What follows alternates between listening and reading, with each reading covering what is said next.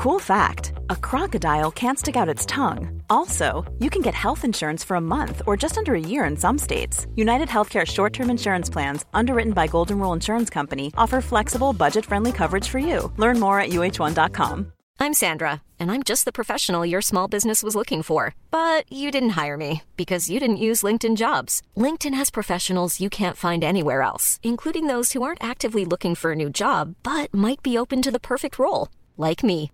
In a given month, over 70% of LinkedIn users don't visit other leading job sites. So if you're not looking on LinkedIn, you'll miss out on great candidates like Sandra. Start hiring professionals like a professional. Post your free job on linkedin.com/people today. Du lyssnar på det femtonde avsnittet av Britta och Parisas podcast i vilket vi bland annat tar upp en oväntad hjälte efter Christchurch, frilansbråket på SVT, en hett efterlängtad komedispecial och så kommer jag att bjuda på lite gratis terapisesh. Välkomna!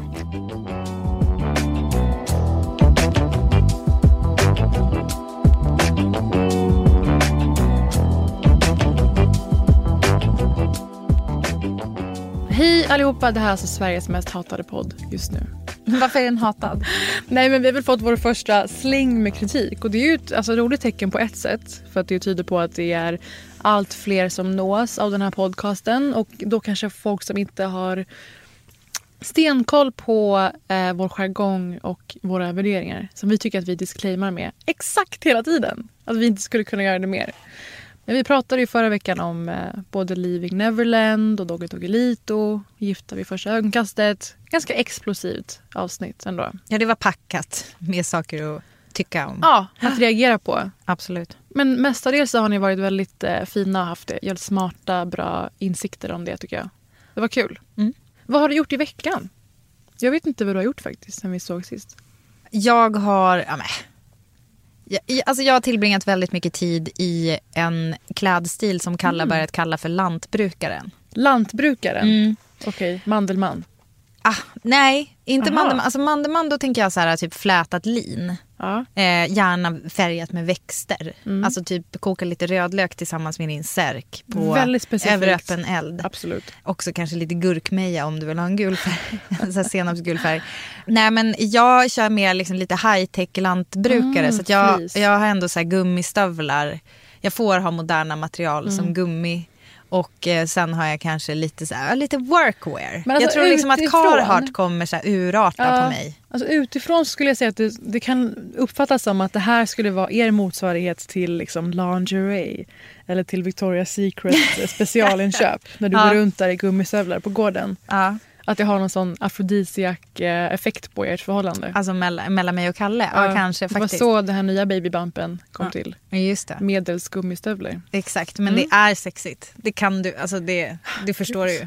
Du, förstår ju råd, själv. du rådnar ju just nu Britta. Vilket jag inte kan göra på grund av min genetik och min, eh, min bakgrund. Jag har faktiskt gjort ett DNA-test ska sägas. Och jag berättar det här för att eh, svaja med detta. Jag fick det i julklapp.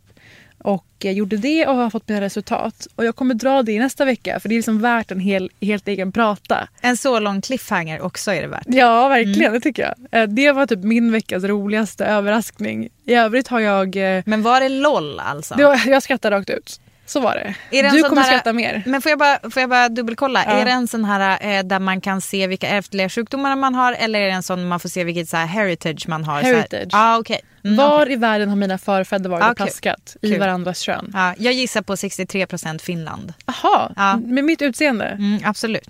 Spaning? Du, alltså, you'd be surprised. Folk skrattar ju när de får höra att jag är halvsvensk.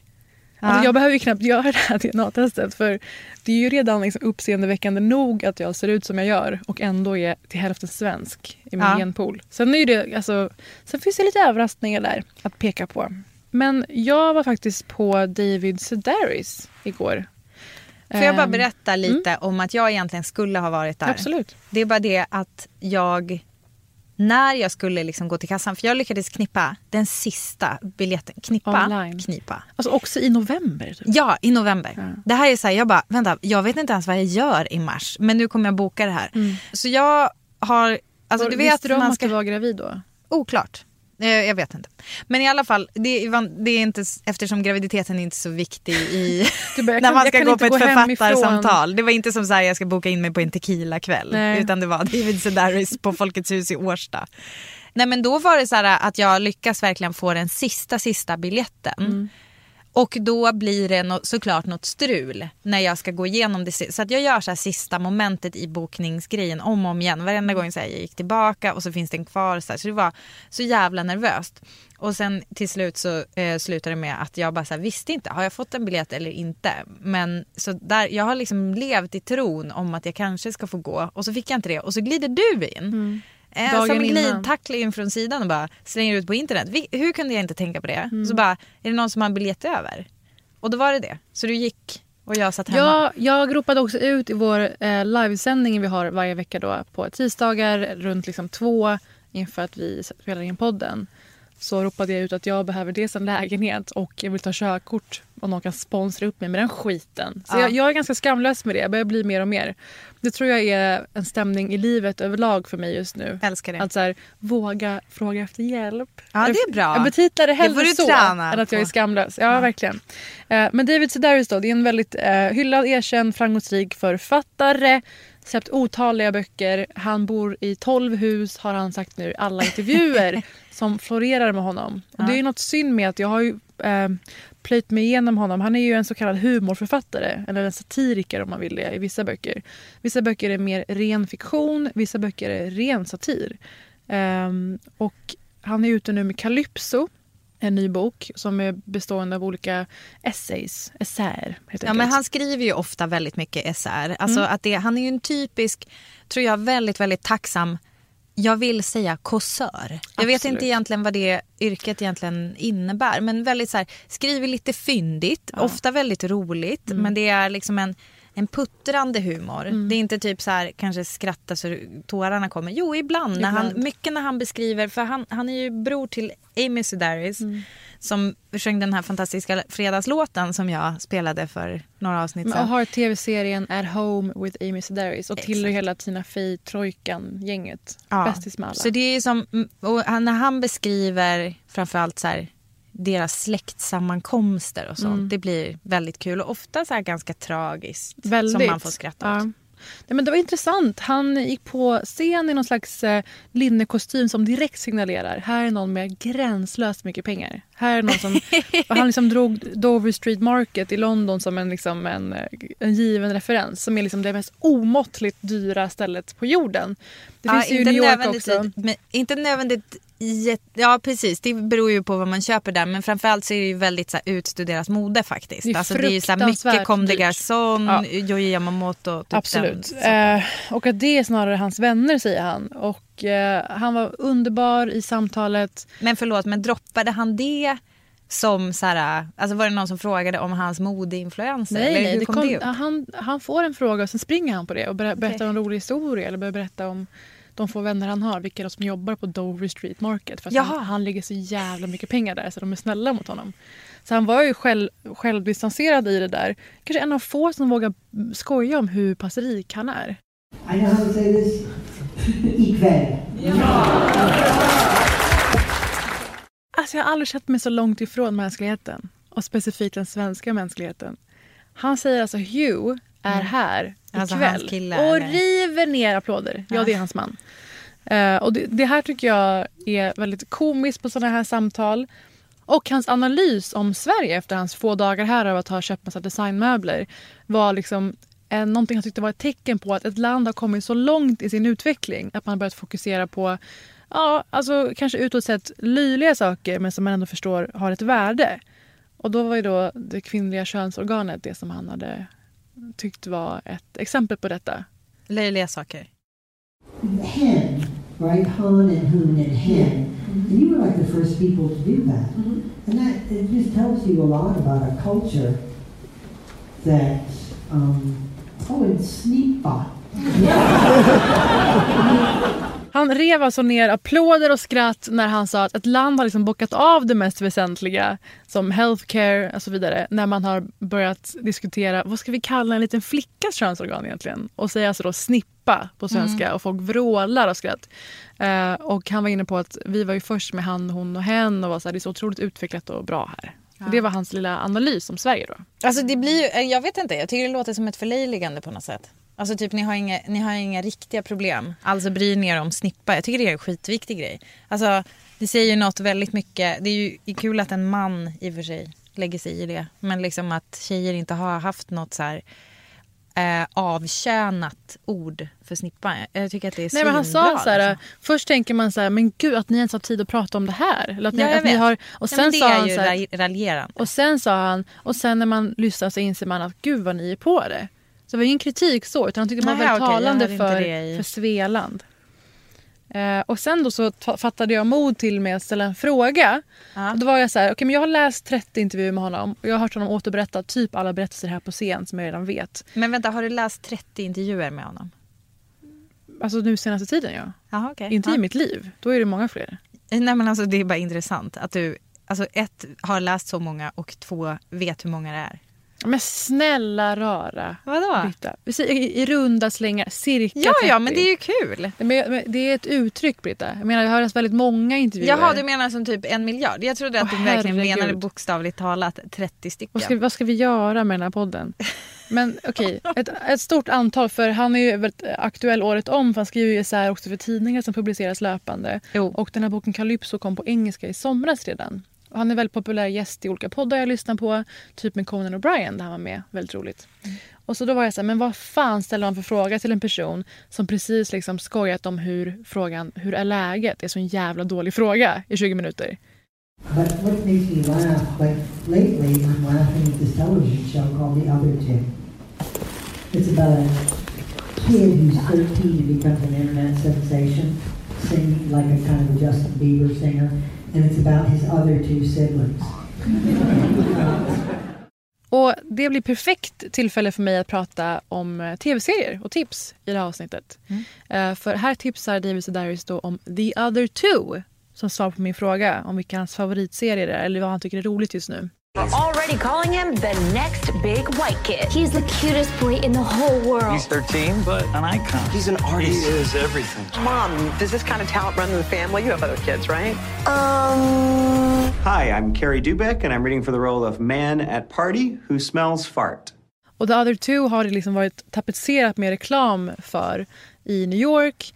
Och Det är ju mycket för att det är två gamla SNL-skribenter, alltså manusförfattare på Saturday Night Live. Det här eviga sketchprogrammet som jag älskar. Som då har gått ihop och gjort den här serien. Och Jag älskar serier som har ett väldigt, så här, väldigt starkt koncept som i det här fallet är att The other two är alltså det som eh, syftas på är de andra två syskonen som står på sidan av när deras lillebror går och blir Justin Bieber-känd. Jaha, kul. Ja, visst är det roligt? Ja. Så lillkillen vad- är 13 år gammal. Ja. Och han gör en låt som blir one, inte one hit wonder, men en enorm hitsingel över hela världen. Det är en riktig sån liksom keps på sned, gullig, mjuk kille. Och eh, låten heter I wanna marry you on recess. Det är som mormondrömmen. Att jag vill gifta mig med dig på skolrasten. Liksom. Så det är bara en otroligt rolig satir över hur kändisskap funkar idag. Och de andra två är ju inte alls lika lyckade då. Vad är det för, vi- vilka, är det några kända ansikten? Nej, alltså det, ni känner igen folk från humorserier som cameos men de två som är i fokus, det ena är en gaykille som försöker bli skådis. Och eh, han jobbar också som servitör på dagarna och tycker att så här, det här går så sjukt segt. Han bor i New York och hans enda eh, skådisgig är att han liksom är med i någon slags eh, turistguide eh, där han går in och så spelar en historisk figur på den här turistguiden på New Yorks gator. Ja, kul. Ja. Ja, supersorgligt och roligt. Ja, ja, ja. Men det tror jag att typ jättemånga skådisar har som jobb. Ja, ja, gud ja. Ja. Och sen den andra då, dottern, som är det tredje syskonet, som är det mindre framgångsrika syskonet också. Hon var länge så här ambitiös och ville bli dansare. Nu är hon liksom någon slags olicensierad mäklare som också sover i sina objekt som hon ska sälja ut sen. Så båda liksom är någon riktig jävla svacka för tillfället. Hon huckar med en kille som hon tror är pilot men som visar sig vara flygvärd. Inna, jag vet inte hur man säger Ah, efter den. Steward. under liksom 30 minuters dejter på ett motell ute vid flygplatsen. Alltså förstår du bottenkänslan? Vad många... Flygplatshotell är fan deppigt alltså. Ja. ja. Jävlar vad mörkt, Ja, eller hur? Och ja. det är så sjukt roligt och bjussigt. Och då, förutom de två, som är en ganska klassisk New York setup, Broad City och allt vad det är, slackers i storstan, Mm. eller oframgångsrika människor, så har man den parallella historien om en barnstjärna och hur Just det. sjuk den mediala cirkusen går runt sådana personer. Och det är alltså the other two. Jag skulle vilja tipsa om en grej som jag inte har sett. Eh, Det är lite gris i säcken. Men grejen är att Issa Rae la upp på sitt Instagram. Issa Rae från HBO-serien Insecure. Exakt. Ja. La upp på sitt Instagram igår. Mm. Att hon ska göra en film tillsammans med Lakeith Stanfield. Jag vet. Som jag är besatt av. Jag vet. Men varför vet du det här före mig? Därför att det händer nu Parisa. Så du jag inte kunde se där i några sekunder? du kunde inte titta på mig. Nej. Alltså, eh, hon lägger upp det på sitt eh, Instagram och sen så kunde man kort därefter läsa på Variety att eh, de ska, eh, Universals film The Photograph Mm. eh, är de eh, två stjärnorna i. Stella Meggy Mm. ska regissera. Hon har gjort saker innan, jag kände inte igen någon av dem. Eh, men det är en kvinna i alla fall, vilket jag tycker är Jaha, då- positivt. okej, ja. och I- Issa Rae ska exec produsa och de ska alltså tydligen då enligt uppgift ska spela ett eh, kärlekspar som man får följa liksom under olika årtionden. Och jag är bara så sinnessjukt peppad på den här line-upen. Alltså två otroliga personer i samma säga, film. alltså Lakeith Stanfield är alltså killen som blev vrålkänd som den som skriker Get Out i skräckfilmen Get Out. Precis. Älskar. Och sen Fucked Up My World med filmen Sorry to bother you. Precis. Som borde ha vunnit alla priser, filmpriser förra året. Och som nu faktiskt finns video on demand i Sverige har jag fått veta. SF Anytime och liknande. Ja, okej. Så ni som inte har hört mitt tjat innan, får gärna höra mig nu. Kolla det slänga då. på det Kolla, kolla Sorry to bother you och kolla gärna Insecure som en uppladdning inför att de två nu ska mötas i en film. Jag tycker det är stort. Alltså för mig är det lite som om typ så här, eh, inte fan vet jag. Alltså, jag skulle vilja, jag höll på att säga som om Beyoncé skulle göra film med typ Broad City-tjejerna. Ja. Alltså det är så här, det är stort. Det var en bra liknelse. Mm. Okej, vi har varit inne på Saturday Night Live som jag älskar och som har fostrat liksom alla stora idoler som jag är besatt av. Ända från liksom Bill Murray, Gilda Radner-tiden till Amy Poehler, Tina Fey och de nu ny, mer nykomna, nyblivna. En av dem är ingen mindre än A.D. Bryant. Ja. Hon är den enda plus size-tjejen i den casten någonsin ska sägas. Och gör det med sån fruktansvärt liksom, självförtroende och hon får faktiskt roliga nyskapande roller. Inte alltid bara vara, vilket hon ibland får vara, det som tjejer som är lite större ofta får spela. Vilket är så här väldigt romantiskt needy och konstant avfärdade av olika män. Hon är nu aktuell med en ny storslagen serie som ligger på Hulu i USA som heter Shrill. Hey, my roommates are here. You're cool with going out the back again, right? Um, I've been letting people dismiss me or say to me my entire life. At this point, I just feel like Yeah. There is a small person inside of you dying to get out. Oh, well, I hope that small person's okay in there. I know, it can't seem impossible, but you can do this. You weren't meant to carry around all this extra weight. oh, wow. Um, very cool. I know I can help you. Well, that's very nice. Thank you. No, thank yourself for the amazing way you're gonna feel after you give yourself permission to be well. Thank you, me. You could be so pretty. I serien Shrill så tar då Adie Bryant upp det här med att vara en tjock kvinna i samtiden. I det här klippet så blir hon approcherad av en kvinna som är någon slags självutnämnd PT, personlig tränare och frälsare av alla tjocka kroppar. Som säger att du har en liten människa på insidan som bara vill ut. Och att hon eh, kan hj- hjälpa henne med detta. Eh, Och den meningen, du skulle kunna vara så fin egentligen, tror jag bränner så fruktansvärt djupt om man blivit nedvärderad och kritiserad för sitt utseende som man var väldigt liten. Adie Bryant i intervjuer kring den här serien har varit tydlig med att hon har levt så här, tagit så här mycket skit i så många år. Alltså nedsättande, nedvärderande skit. Och av social, socialt ansvar inte lashat ut på folk. Precis. Och jag som inte själv kanske anses vara överviktig eller stor men tampas absolut med eh, alltså den sortens självkritik. För jag är inte pinsmal heller. Jag provar kläder på svenska kedjor var och varannan dag och ingenting passar mig i vanliga liksom, storlekar. Hur fan kan det passa kvinnor som är större än mig? Eh, den här liksom kommer i en otroligt bra timing i vår samtid och passar. Och jag tror att alla kan ha någonting av denna. Vare sig det bara är en fantastisk historia, mm. otrolig humor och såklart en person som är pissad på samhället och till slut bara nu ska jag fucka upp allt. Ja, är det det, alltså är det, det som hon gör då? Får, säger hon ifrån? Får man liksom utlösning höll jag på att säga? Redan i första avsnittet så att hon får någon insikt om att så här, vänta, varför, varför tillåter jag det här att hända? Mm. Och jag hatar att vara en sån som lägger ansvar på offer om man säger så. Verkligen. Ja, det är värsta jag vet. Men vid någon punkt, och så, så här tänker jag också kring liksom problem man själv har, vare sig det är med relationer eller med arbetsmarknad eller vad det är.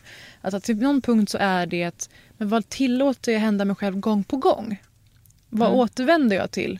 Här är det en kille som tvingar henne att gå bakvägen när de har legat. De har dejtat i ett halvår. Mm. Han har aldrig synts med henne i offentligheten. Mm.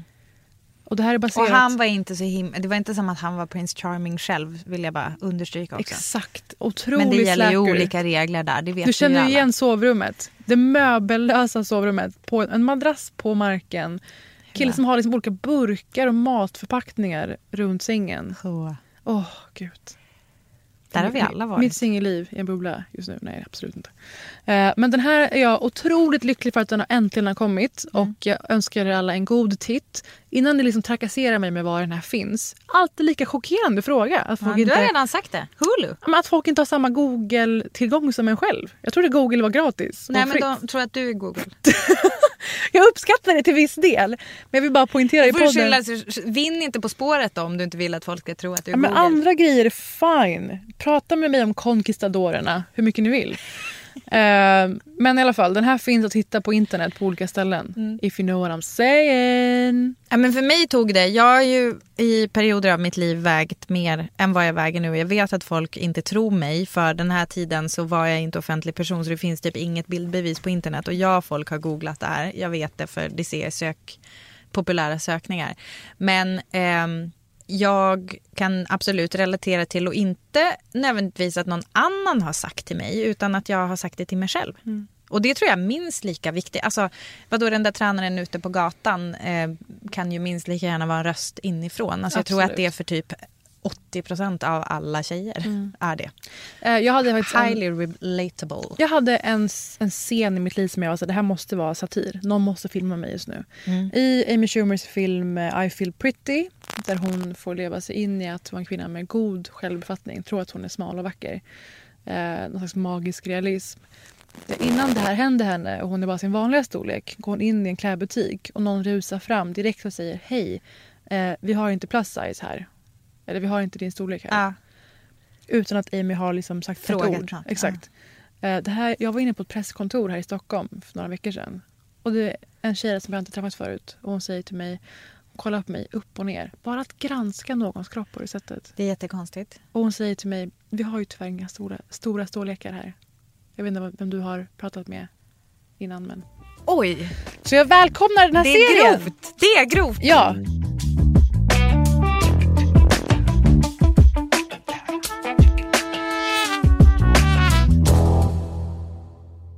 Också äntligen den stora höjdpunkten, det som jag i alla fall har väntat på sen Britta, vi gjorde ju så fake-avsnitt i podden i höstas. Och ett av de förlorade avsnitten som aldrig släpptes då, som vi spelade in. Då hade jag lyckats på något jävla sätt få en så fem dollars biljett till att få se Amy Schumer i någon replokal på, i New York. Ah. En, en sketen måndag. Alltså en person som man annars får se i stora arenor 300 meter ifrån. Och Det som hon då repade för, varför mm. det här hände i en replokal som faktiskt var Comedy Cellar, den här episka klubben, då, komediklubben. Deras liksom sidolokal som är lite mindre och lite mer intim. Eh, det var för att hon eh, övade inför sin special på Netflix som har kommit nu den här veckan. Den kom i tisdags. Och den heter Growing, för hon är ju gravid som vi vet. Det är kul att du ändå inte sett fram emot den tillräckligt mycket för att lägga datumet på minnet eftersom vi har on tape Mm. när jag sa att den skulle släppas den 19 och du bara 15. Ja, jag vet. Och jag eh, tänker ta bort det här ur podden sen. Nej, det det får vara du inte. Det får vara kvar. Eh, nej men Amy Schumer då, och jag minns det då att jag var chockad över att det som jag betalade för då, ett rep, trodde jag skulle vara så här helt hackigt och hon skulle ha papper i händerna. Det enda som skiljer det från det jag ser nu Mm. i Netflix-specialen där hon står i Chicago inför en massiv publik Mm. är att det var en liten lapp bakom henne som hon, som hon tittade på en enda gång när hon Mhm. drack vatten. Det, är så- det, det är så otroligt eh, begåvad hon är. Mm. Och det var ett halvår sedan. Mm. Det är ofattbart. Eh, den här specialen tar upp då att hon är gravid och sådär. Eh, och hon som alltid snackat om så här, kroppsstorlek och det är klart att det vävs in i det här. Att hon är lika mycket gravid som Meghan Markle. Den väldigt späda människan. Otroligt späd människa. Ja. Eh, och att då är det mycket gravidrykten om en sån person så fort hon har minsta lilla bula. Medan i Amys fall, hon bara I was well into my second trimester innan någon ens fick upp ögonen för att hon kanske skulle vara gravid. För att liksom, är man inte underviktig så syns det kanske inte omedelbart. Nej. Heller. Det, det syns, alltså det är, ju, det är ju bara en fis på tvären-läge fram till typ vecka 20 egentligen. Om det inte är ens andra graviditet då kan vi snacka MVH. Ja, du, du är uppe nu i en bra bula. Mm. Ja. Men du kommer nog gilla den här. Dels för liksom alla förväntningar kring att man är gravid och att man ska vara en, ett helgon plötsligt och en ängel. Eh, och Det är bra att hon tar gravidgrejerna först. Det är som att hon avskräcker den del av populationen som skiter i den mänskliga upplevelsen som ger alla oss liv. Väldigt många tyvärr, många män. Eh, och andra hälften är så jävla radikal och politisk. Det är fan... Alltså man har tagit någon jävla genuskurs på Södertörn och dragit den genom någon världsklass komikerögon och så skarp analys. Och eh, det här är resultatet. I don't know what I'm having. I hope it's a girl. Um, but really, just because it's such a scary time for men. Hon syftar på att Donald Trump gick ut och sa “It's such a scary time for men” apropå att män då blir liksom anklagade, stämda, lagförda för sexuella övergrepp. Eh, och att så här, hur fan kan man säga det i en Men värld som föraktar och våldför sig på kvinnor dag in och dag ut? Kort Mm. instick. Jo, jo, men det är ju taskigt att, att Sabba racka ner, det, det är ju taskigt att racka ner på männen som skiter i kvinnorna. För de, männen har ju också känslor. Sant! Som vi lärde oss av era kommentarer om Doggy Doggelito förra veckan. LOL. I don't know if men know how scared we are as women all the time. Like, one in three of us will be assaulted at some point in our lives. If you're a woman of color, it's even more than that. If you're a trans woman, forget it. It's true. And you guys know when you walk your car in a dark parking lot, what do you ladies do? We do the little makeshift brass knuckle with our key, right? I don't know what our plan is with that key in our knuckle. Oh, no, you don't. Bah! Not on my watch. Boop, boop. And there was a study done, and it said that women mostly fear violence. That's our number one fear. And the same study showed that men's number one fear was ridicule. Oh, yeah, God. I'm so sorry. I didn't know you guys were going through that. That must be so hard for you. Do you guys run home? 'Cause you're afraid of somebody telling a little jokey about you? Ja, men alltså det fortsätter så här. Och det är faktiskt... Hon lyckas göra det här på ett sätt som inte gör att det känns... ehm, alltså vi har ju hört de här grejerna förr. Eller hur, Britta? Ja, alltså särskilt i liksom, ska vi säga feministkretsar så är det ju som en etablerad sanning Mm. eh, att kvinnor, alltså män är rädda att bli skrattade åt, kvinnor är rädda att bli ihjälslagna. Mm. Det, alltså glappet däremellan Mm. är otroligt och jag menar de facto så är ju kvinnans farligaste plats är i hemmet. Det vet vi från, alltså det, det är samma sak varje år. Alltså det, och det är så här, är en kvinna försvunnen eller mördad så är det direkt, alltså första misstänkta är maken eller sambon eller ex-sambon som kvinnan i vissa fall, det kom ju en nyhet i veckan om en kvinna som hade polisanmält mannen som sen mördade henne 70 gånger till polisen. Så att det är typ lite de så här, inte? Ah. Ja exakt, anmäl då, säg ifrån då. Man bara well we do, ingen Mm. lyssnar. Eller we, jag har inte gjort men liksom, det är ju så det funkar. Så att det är någonting med det här. Alltså, Mm. det känns som att Amy Schumer på något sätt också levlar upp lite. Mm. För att hon har tidigare varit ganska, alltså jag ska inte säga att det har bara varit kul. Alltså hon är ju också väldigt smart. Men här är, ju, här är hon ju faktiskt på gränsen till att det är typ nästan inte kul för det är för nära sanningen. Mm. Alla vi har ju gjort den där lilla knogjärnet mm. med nyckeln. Eh, alla vi har sprungit lite snabbare till porten för att det har varit någon skum bakom oss. Mm. Vi har en radar för när det är någon läskig snubbe i närheten om vi ska ta nattbussen hem. Mm. Allting det där. Så att jag menar, ja det är typ inte kul. Så Men... begränsat levnadsutrymme. Och jag blir så chockad för att de här sakerna, vi har så många som, vi pratade om anti-PK för ett par avsnitt sen. Och det är så många som hör sånt här och bara så, åh, samma gamla trötta tråkiga, du vet. Och Amy Schumer gör det här för en publik som kanske inte haft tillgång till svensk feministisk debatt om man säger så. Ja, exakt. Alltså USA, det är så fruktansvärt efter. Mm. Och hon har haft kunskapsluckor i alla år, Amy Schumer. Speciellt en blind spot för liksom, maktdynamiker i ens bakgrund om man är annan bakgrund än vit caucasian och så vidare. Så jag tycker att hon eh, börjar komma ifatt, absolut. Och det var så befriande att höra någon prata om det här som den liksom, erfarenhet det är som så många bär på. Att alla skrattar åt det här med nyckeln som du är inne på. Men med, att man fattar vilken otrolig sorg det är i att behöva tänka vad kan jag ha för att försvara mig i varenda stund. Eh, men det här fortsätter. Hon berättar om att hon gör ju allt det här fast det är väldigt mycket backlash mot henne. Just för att hon är gravid. Just för att hon ska skaffa ett barn som hon vill ska leva i en annan värld. Och det är väldigt starkt faktiskt. Och hon är nästan inne och petar på uh, Hannah Gadsbys uh, Nanette mm -hmm. i vissa segment.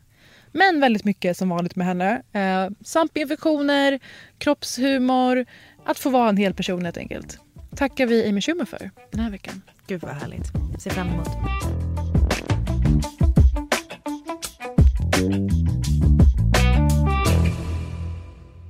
I talande stund vet vi att 50 personer aldrig kommer komma hem till sina familjer igen efter att de var på Al-Noor-moskén för att eh, be.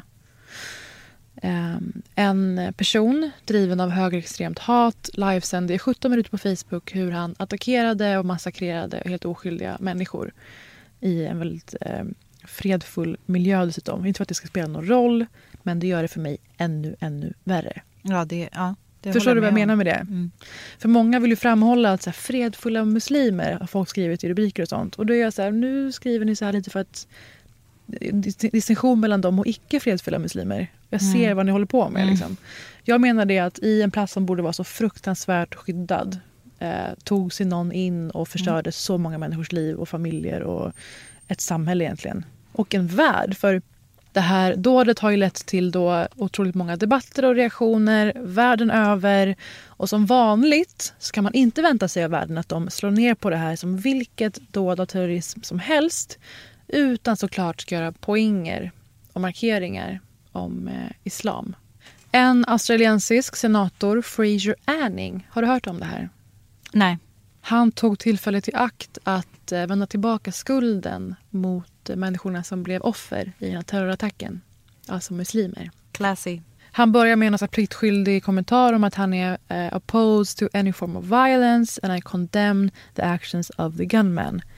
Fortsätter detta med however. Och då ja, vet, då vet hur man. fan kan du lägga in ett however? Då vet man vartåt det barkar. Och efter However så berättar han att vad detta då highlightar enligt honom är den växande rädslan i våra samhällen, både i Australien och i Nya Zeeland, för den växande muslimska närvaron. Som vanligt säger han ska left-wing politicians and the media rush to claim that the causes of today's shootings lie with gun laws or those who hold nationalist views. But this is all cliched nonsense. Han säger att den riktiga orsaken till det här dådet och de här morden då inte var terrorism och rent hat som växer av växande eh, hate speech runt om mm. i världen.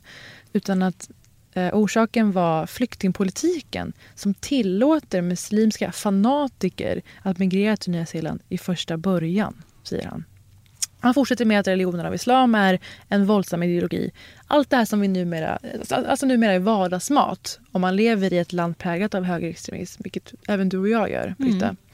Och då kan man känna att man vill totalt falla ihop när man har läst det här. Och jag tror att hur vi reagerar på högerextremism idag är så fruktansvärt talande. halva Sverige vill, väl världen och Sverige vill gärna liksom, eh, säga att det här är bara ensamma galningar. Det hamnar ju väldigt snabbt där. Mm. Lone liksom, gunman och att det är bara en, en enslig galning, tokperson. Breivik och så vidare.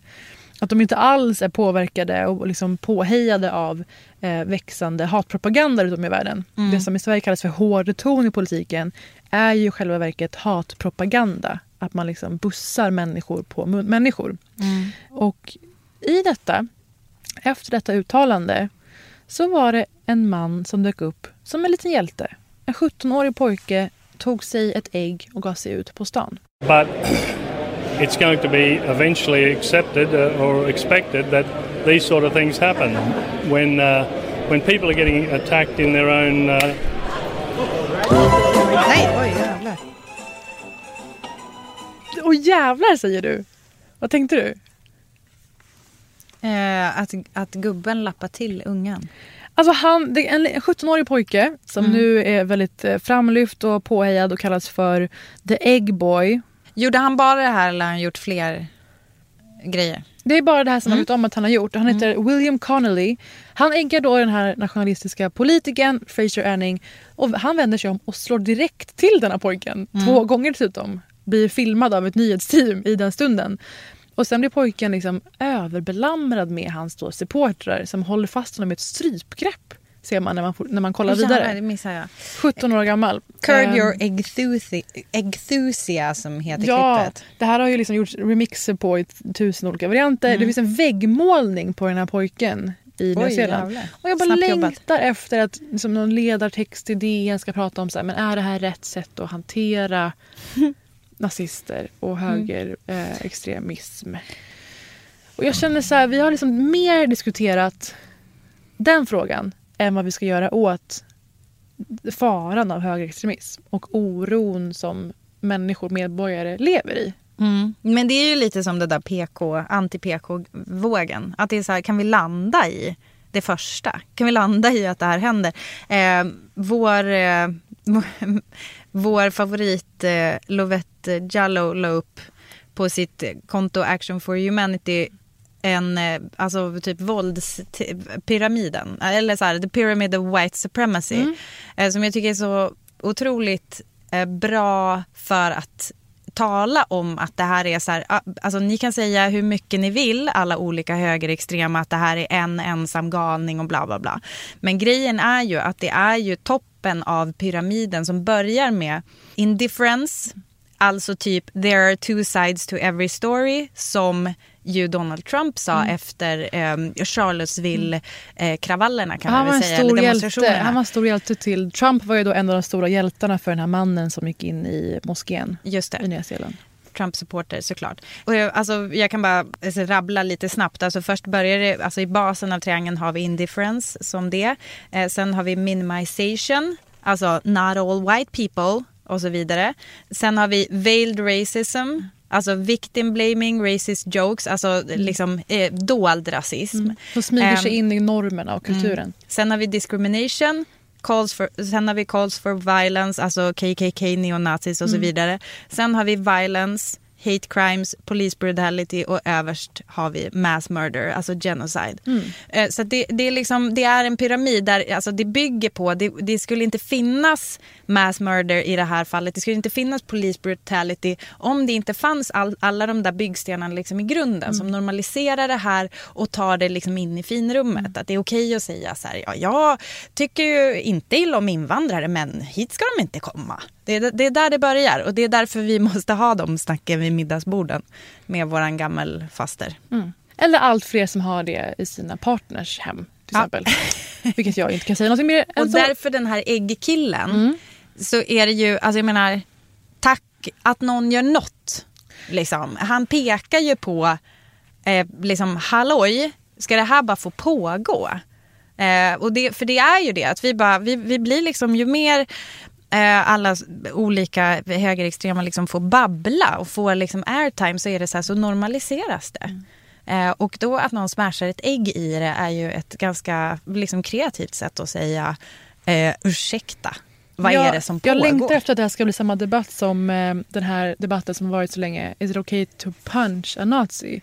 För det var ju klippet där en man bara sprang fram till en av de största företrädarna för nazism i USA och bara slog till honom under demonstration. Ja. En AFA-medlem skulle jag tro. Så en, liksom, en våldsam person.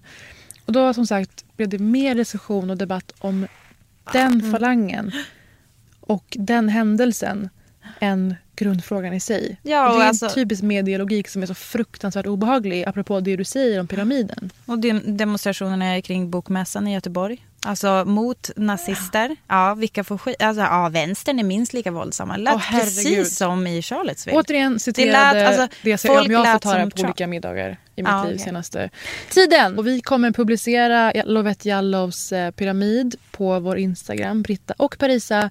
Och vi ser fram emot den här veckan som kommer nu av att folk ska försöka minimera det här, normalisera det här i olika ledarsidor och debattsidor. Och kan ni där ute snälla vara någon slags röst emot det så uppskattar vi det. Jag vill bara säga en bra grej från Nya Zeeland Mm. då, apropå det här. Och det har egentligen ingenting med det att göra men, men eh, jag kände bara att jag vill så här, eh, sluta med ett citat som Mm. jag har sparat och som jag tänkte att här, någon gång kanske jag kan få spela det här i podden. Mm. Eh, det är från i höstas, det är en nyzeeländsk member of parliament. Det är alltså motsvarande typ Miljöpartiets co-leader, alltså språkrör, eh, Marama Davidson som bemöter hat mot henne på ett sätt som jag tycker var kul att lyssna på. Now, one thing I noticed that I haven't spoken about in the media yet is these people who try to shut us down and try to intimidate us and make us scared. They call us cunts. They call us women cunts. Cunts are powerful. Vaginas brought you all here. Call me that. I take that. I'm here for being a cunt.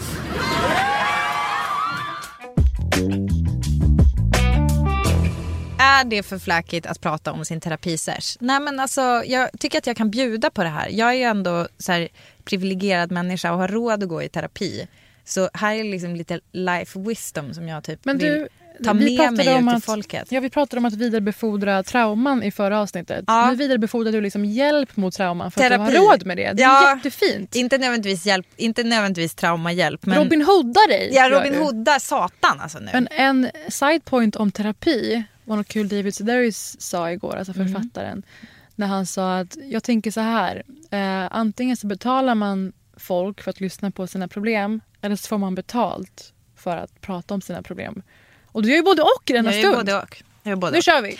Jag blev påmind om en grej hos terapeuten. Men det var faktiskt Liv Strömqvist som lärde mig det här från början. Och det var i en seriestripp som hon har. Och det skulle ju vara snyggt nu om jag hade iddat leta fram i bokhyllan exakt vilket Mm. album och exakt vilken stripp. Men nu gjorde jag, alltså jag, så här, tiden fanns inte. Men det är i alla fall så här att Liv Strömquist tar upp, och för mig var det en så himla käftsmäll typ, eller smocka i magen. Basically så strippen går ut på att förklara att kvinnor är historiskt uppfostrade, och vi är det fortfarande, till att se till mäns behov. Medan män är fostrade till att se sina egna behov.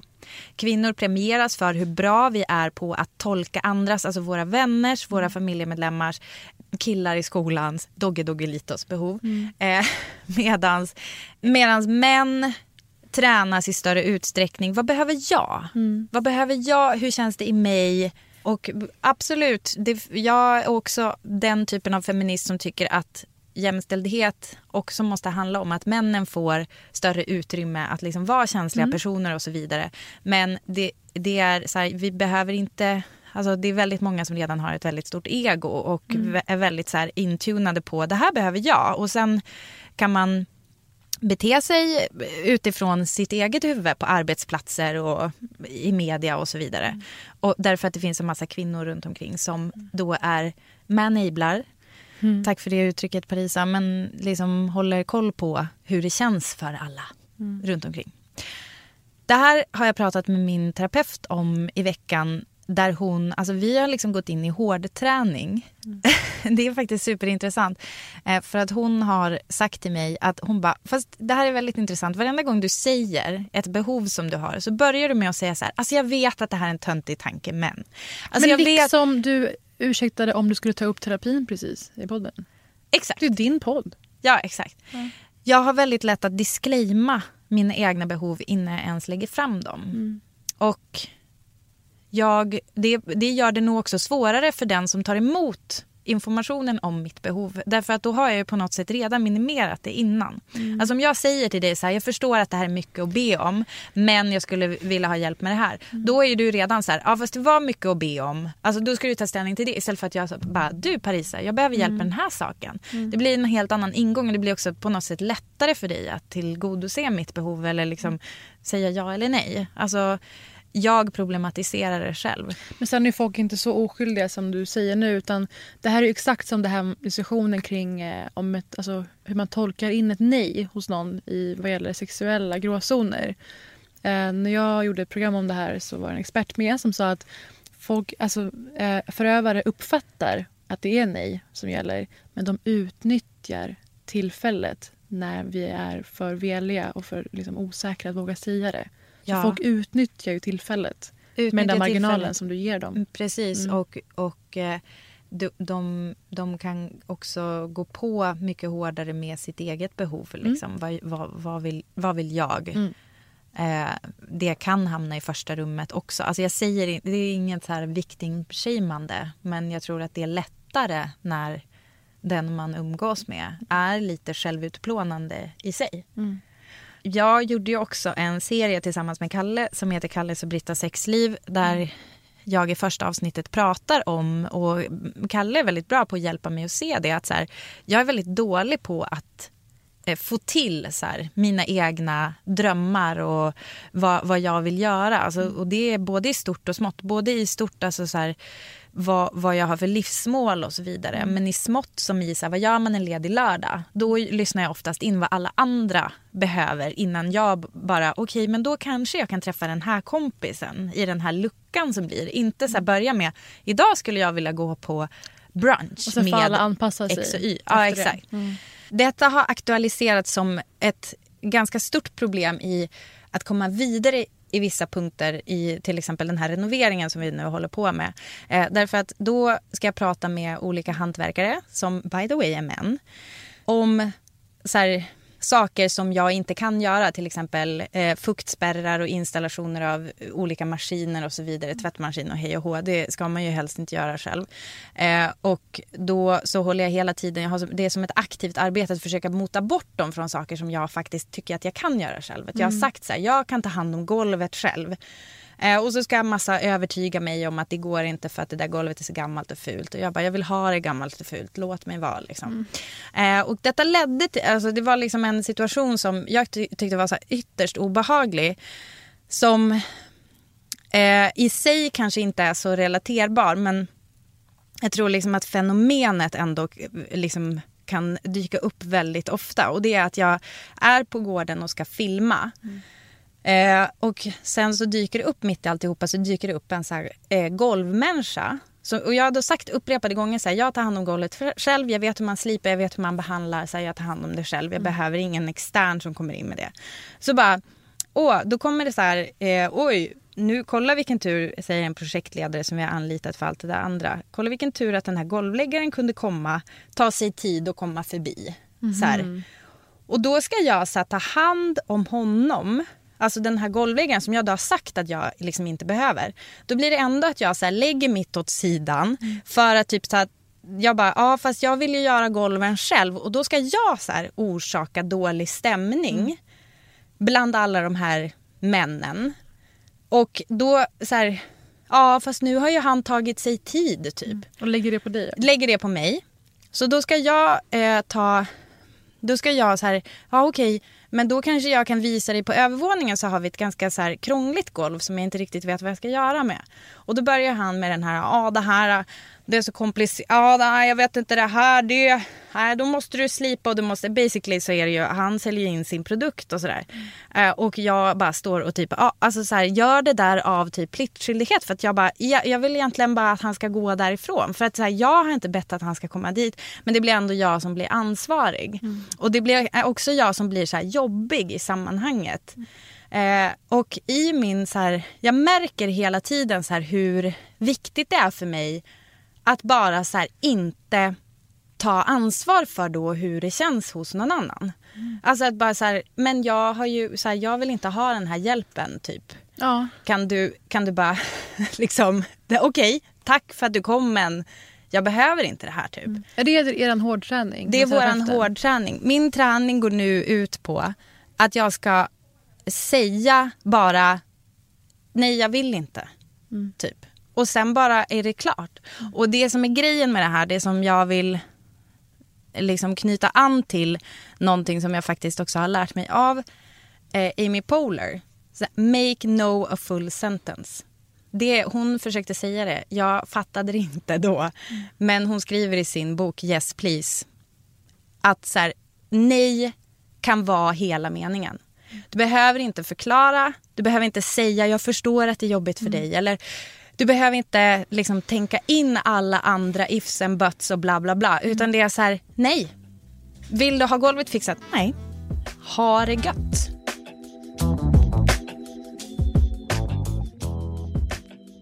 Och jag tror också att det är det som på något sätt... Jag ska inte ge för mycket utrymme åt den här, liksom, det är ändå minimal kritik jag har fått för att jag gick hårt på Dogge. Men jag tror att fenomenet med att vi går in och tolkar hur känns det för killar, hur var det för honom och så vidare. Trots att alltså, ärligt talat Dogge Doggelito skulle inte göra er den tjänsten. Jag vill bara säga det. Vem, tänk, på, bra poäng. tänk på vem den ni försvarar. Men jag tror Men nej, att det är en bra är... poäng överlag. Alltså, jag är en sån jävla självuppoffrande idiot i så många fall. Och den liksom, ångesten kan bränna mycket längre än oförrätten som annan person har åsamkat den. Sant. Vetskapen om att fan vad jag lät det här hända mig. Eh, jag såg att Ariana Grande har sagt så här nu i veckan. I look forward to hopefully learning to give some of the love and forgiveness that I've given away so frivolously and easily to men in the past, to myself hopefully this year. Ja. Och fan vad jag vill tatuera in det här oj, långa oj, citatet för att komma Men ihåg gud, det. Ariana Grande, det blev du en sån jävla profet? Men hon har blivit det Jag vet, jag, jag, jag vet. Har, alltså jag har kapitulerat. Jag tycker hon har, eh, hon bottnar i allt hon säger. Ja. Ja, det här funkar ju, det här slår ju verkligen mig också som ett slag i magen. Mm. Bredvid min bebis. Nej men jag, alltså här, ja, vi tjejer är fostrade. Hela vår sociala existens har egentligen byggt på att vi kan eh, vara som ett litet socialt kitt mellan alla killar som inte har kunnat bete mm. sig. Men jag menar, tänk alltid det du sa om Dogge. Han hade inte gjort det mot er, sa du. Ja. Gett er den tjänsten som Ariana Grande var inne Precis. på. Och i alla fall det än gäller, vare sig det är relationer, jobb, vänner, vad det nu är. Hade den här personen tolererat det där som den gör från mig. Ja. Eller hade den varit lika för, ursäktande och förlåtande som jag nu har varit x antal gånger. Ja. Så kanske ni kommer må pyttelite bättre. Och också att genom att tydligt alltså tvinga dig själv att skippa den här liksom lite ursäktande tonen. Lär bort det. det precis, mm. det finns ju också forskning på, jag är väldigt väldigt intresserad av något som heter genderlect. Alltså mm. hur vi pratar ja. eh, könen emellan. Mm. Liksom.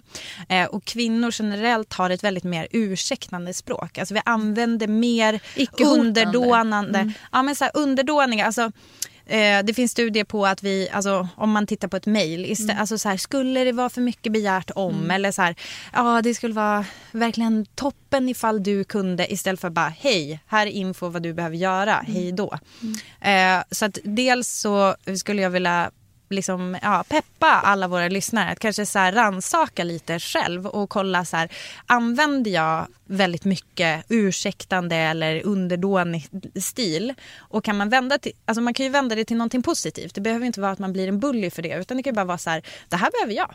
Har mm. du lust att hjälpa mig med det? Mm. Och make no a full sentence. Kanon!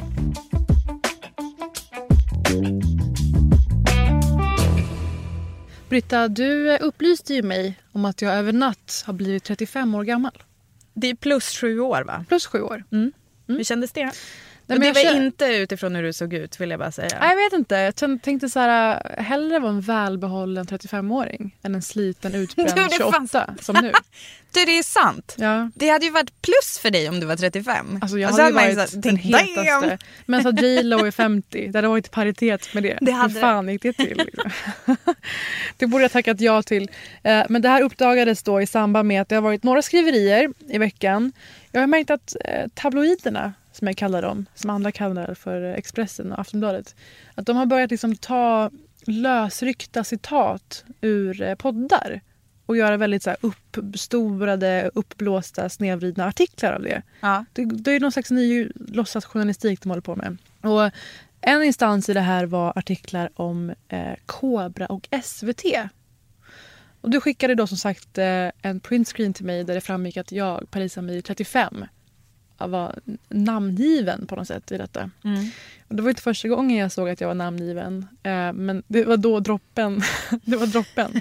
Det var, någon som var så, det var någon som var så rolig och var så här, det är så kul att det var först nu efter 80 artiklar som du reagerade. När, det var, när folk var ute och snackade skit om när du är född.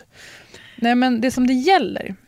Det började med att Lina Thomsgård, jag tror det var på kvinnodagen det här släpptes, ehm, hade snackat i podden Värvet om ehm, det hon upplevde som en ganska dåligt avsked eller avslut med SVT. Eh, att hon mer eller mindre hade fått eh, sluta eller inte fått fortsätta kanske man ska säga. För formellt så är vi ju frilansare. Alla är inblandade. Alltså du är också frilansare. Eh, och då är det snarare så att man inte får ja, men till nytt, ja, heter det, nytt uppdrag. Eh, för att hon då skulle ha barn så skulle det här ha hänt då. Ska vi sticka in lite med att Lina Thomsgård är alltså grundare av Rättviseförmedlingen och också var programledare för Kobra. Just det. Initialt då med Kristoffer Lundström och sen ett par säsonger själv, tror jag. Och jag var ju då den som blev tillfrågad att göra efterföljande säsong, som var den sista.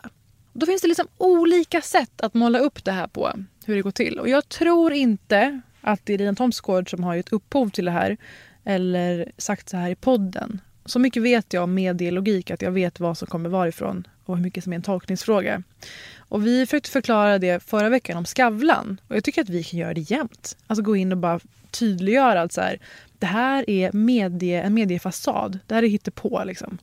Men det hon då ursprungligen sa var att när hon berättade att hon skulle ha barn och ville vara mammaledig en säsong och komma tillbaka säsongen därefter så drog SVT den här klassikern att säga ja fast då liksom kanske det är Parisa som är grejen, om det nu hade varit jag, och ska fortsätta. Ska de ha sagt till henne, vilket de, jag tror att de dementerar det, men det kan man inte ta, alltså det är ju inte ord mot ord liksom. Mm.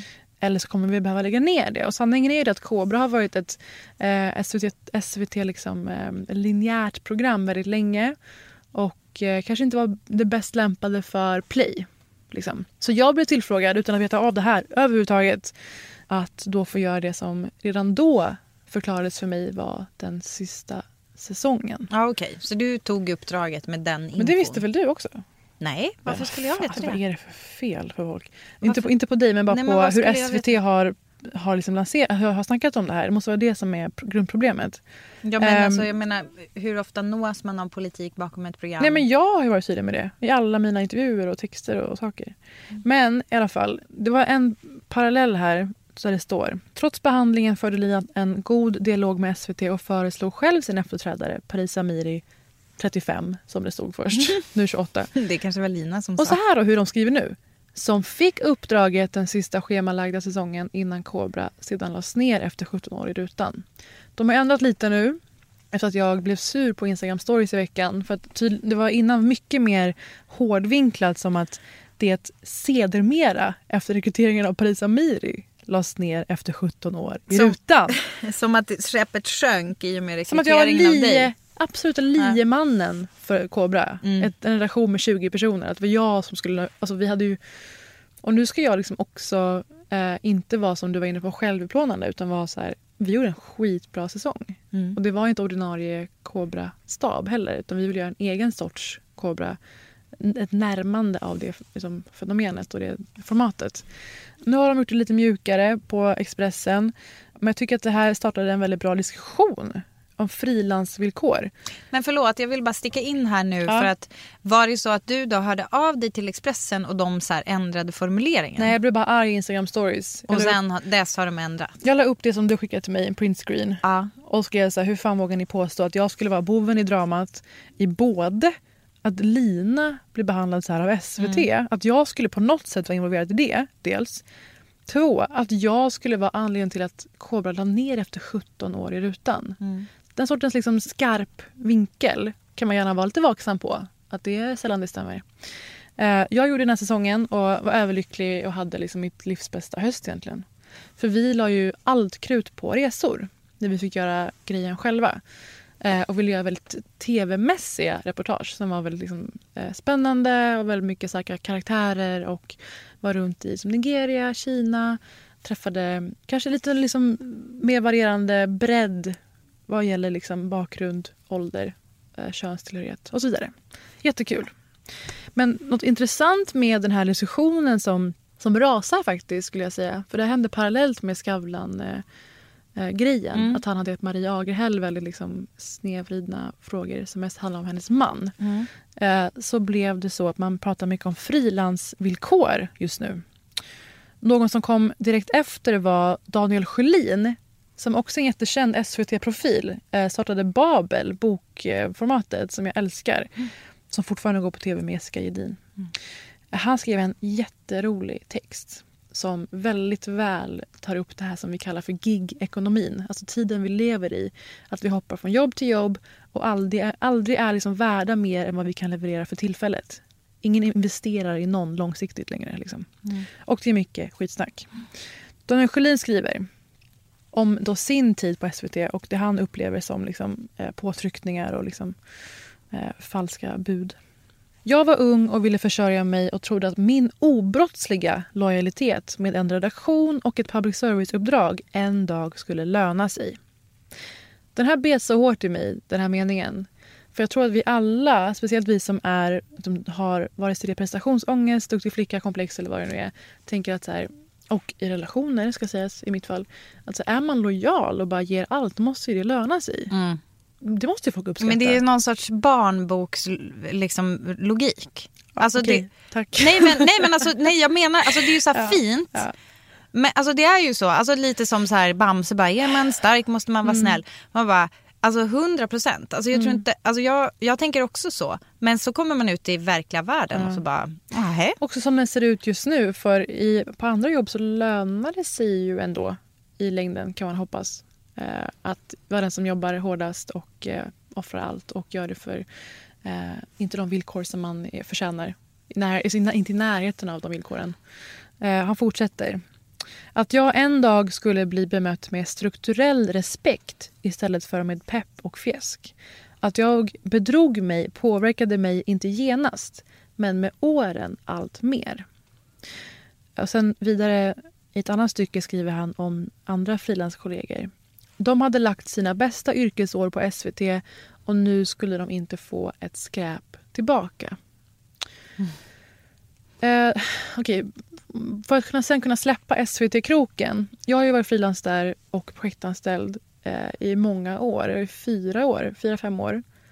Eh, utvecklat format, varit programledare i format och ibland liksom två veckor innan julen fått veta att eh, det där du skulle få göra i vår gäller inte längre. Mm. Ehm, och det är ett problem som jag tror att de också känner är ett problem. Hur ska vi tackla de här nya, uh, nya formerna som finns? Och det tror jag gäller för många arbetsplatser.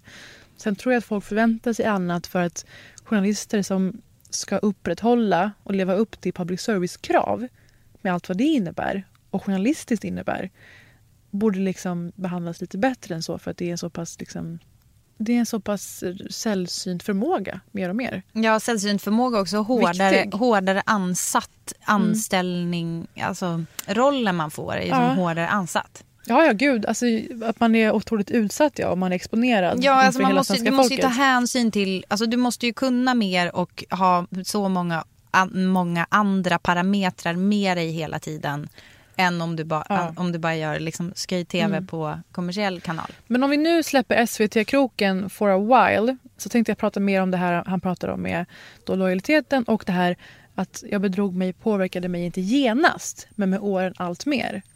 För att jag måste erkänna att eh, självförtroendet, självkänslan tar sig en otrolig hit av att hela tiden känna sig liksom, eh, på väg att bli utbytt.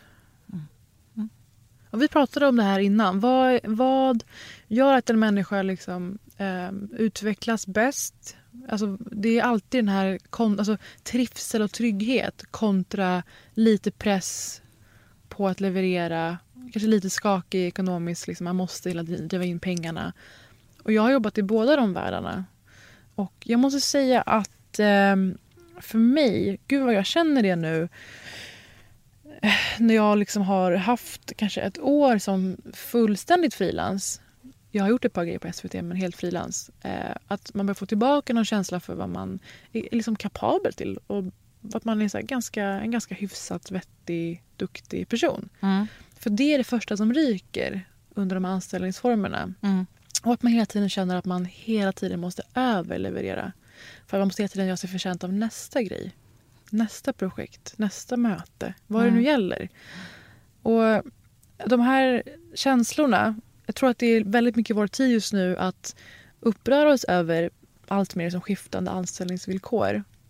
Jag tycker socialismordet börjar kastas runt mer än någonsin. Um, några av mina favorittidningar, typ The Daily Beast, Economist, New York Magazine har alla skrivit om soci- socialismvågen senaste Åh, du är så månaden. nördig. Alltså, jag är så nördig. favorittidningar. Vad ska man göra?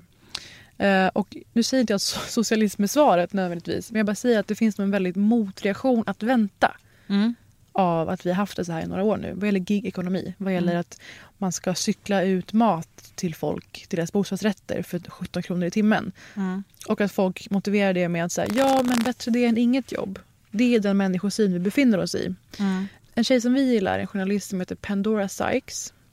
Ja. Som alltså är en av värdinnorna på podden som är lite förlaga till vår podd som heter The High Low Podcast som blandar nyheter och populärkultur som vi.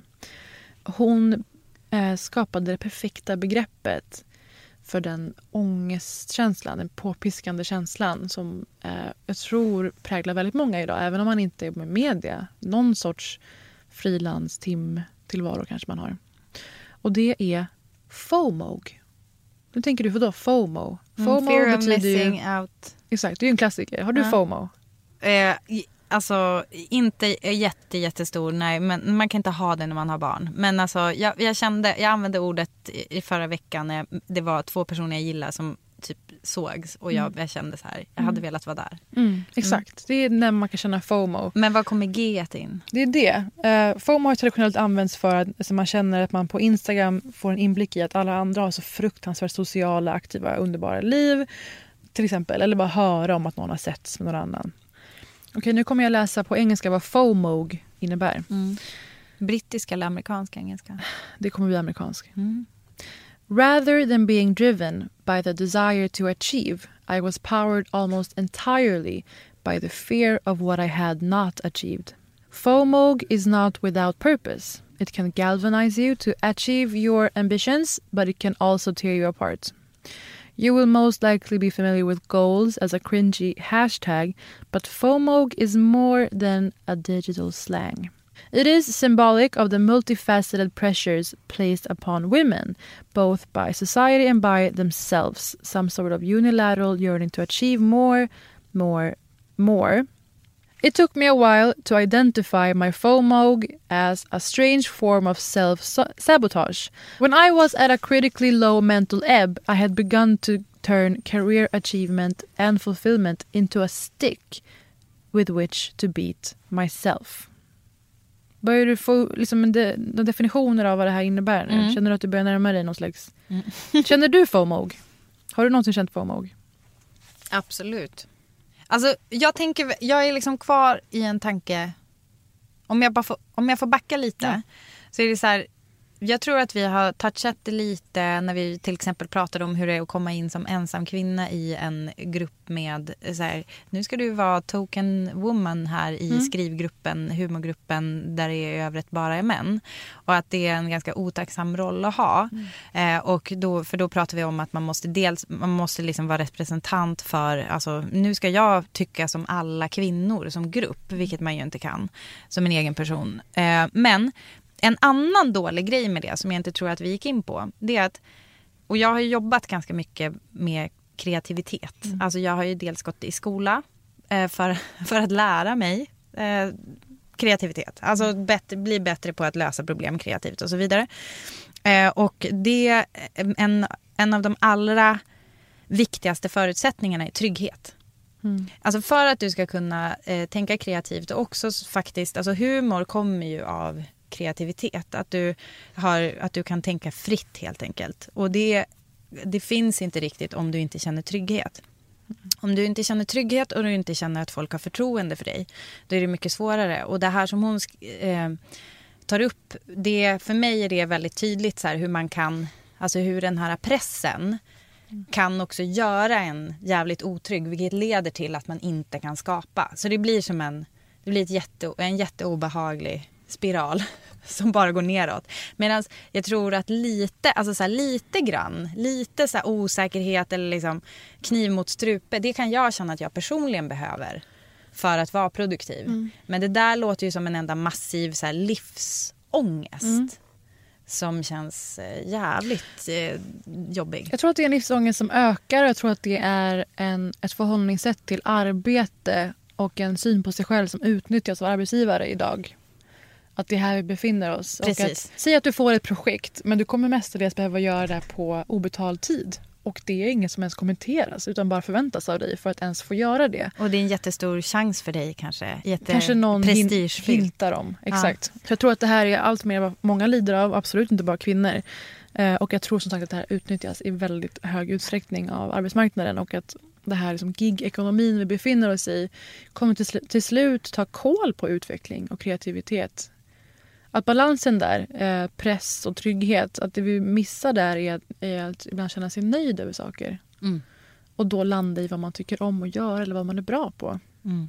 En eh, expert hon har intervjuat i den här texten säger så här. This idea there is a destination is flawed. That once you reach that destination with a career and family, then happiness will be there. But it's not a pathway, a final place where you end. Och hon säger att hon försöker, hon försöker benämna mikro-achievements lika mycket som makro. Eh, ett mejl hon var nöjd med, ett spännande möte, en rolig dag med familjen. Eh, jag tror att vi kommer behöva träna om våra hjärnor från det ena och det andra från den tid vi lever i nu. Översaturerade av intryck konstant eh, och med färre och färre möjligheter och uppdrag egentligen om man ska se, se det krasst. Och att arbetsgivare kommer behöva hitta ett faktiskt hållbart sätt att hantera att vi nu lever i en gig-ekonomi.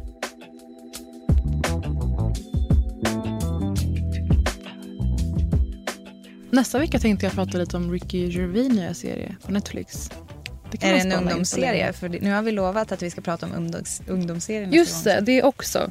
Det har varit så mycket nyheter och hemska händelser såklart senaste tiden. Eh, Men framöver så kommer det så, det kommer så väldigt mycket populärkultur närmaste tiden. Så Mm. det kan ni faktiskt få, få vänta in lite.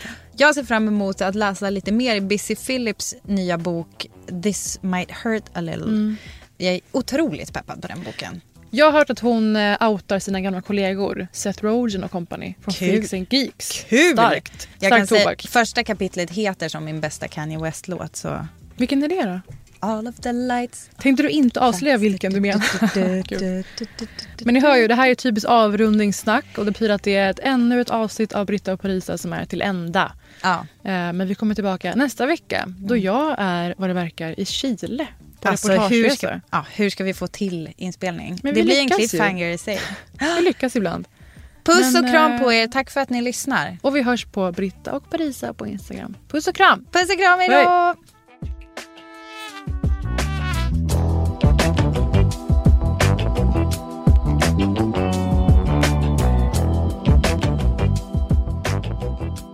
En podd från L.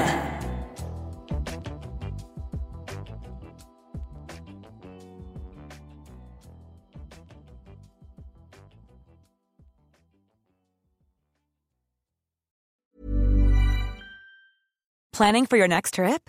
Elevate your travel style with Quince. Quince has all the jet setting essentials you'll want for your next getaway, like European linen, premium luggage options, buttery soft Italian leather bags, and so much more. And is all priced at 50 to 80% less than similar brands. Plus, Quince only works with factories that use safe and ethical manufacturing practices. Pack your bags with high-quality essentials you'll be wearing for vacations to come with Quince. Go to quince.com slash pack for free shipping and 365-day returns.